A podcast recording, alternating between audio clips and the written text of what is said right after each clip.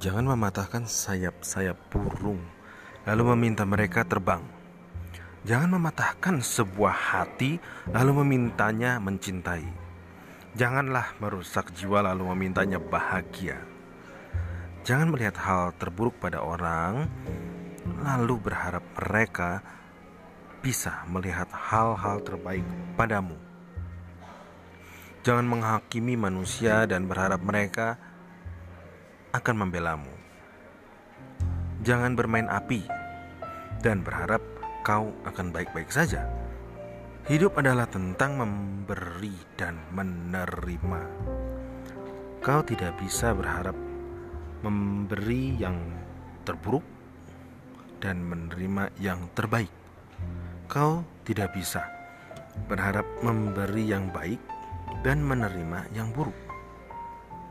Apakah itu terjadi? Ya, tetapi jangan menjadikannya sebagai alasan untuk melakukan sesuatu yang kau tahu itu salah.